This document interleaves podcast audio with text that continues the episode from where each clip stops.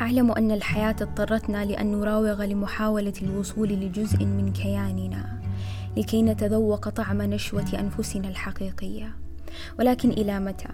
هل حقا سنكمل بقية حياتنا ننظر للضفة الأخرى التي ننتمي لها من خلف السياج؟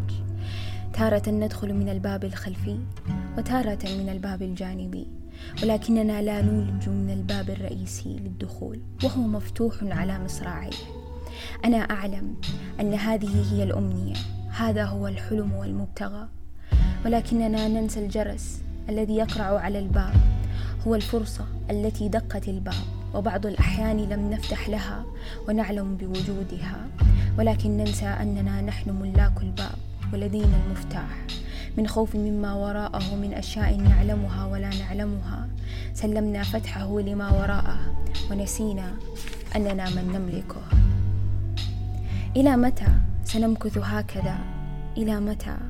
لقد تعبنا من صراع المحيط. مع أننا نحن في قرارة ذات أنفسنا لا يوجد صراع.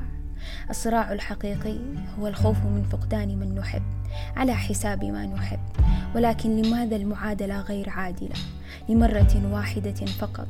وددت أن لا أحد يعرفني. لحملت الباب على ظهري. وأينما وددت لوضعته وفتحته ولم أتلفت إلى الوراء ولو للحظة واحدة. كل الطرق التي نختارها حتى وإن كانت مع الجماعة سنكون وحيدين فيها لأننا لسنا مقتنعين بها. رسالة إلى عزيز الحالم العالم لما يكمن في ذاتك ومعرفة ما يمكن أن تصنعه في بداية الطريق ستكون وحيدا. والصوت الوحيد الذي سيقول لك أنك على صواب هو نفسك أنت فقط والحالمين مثلك.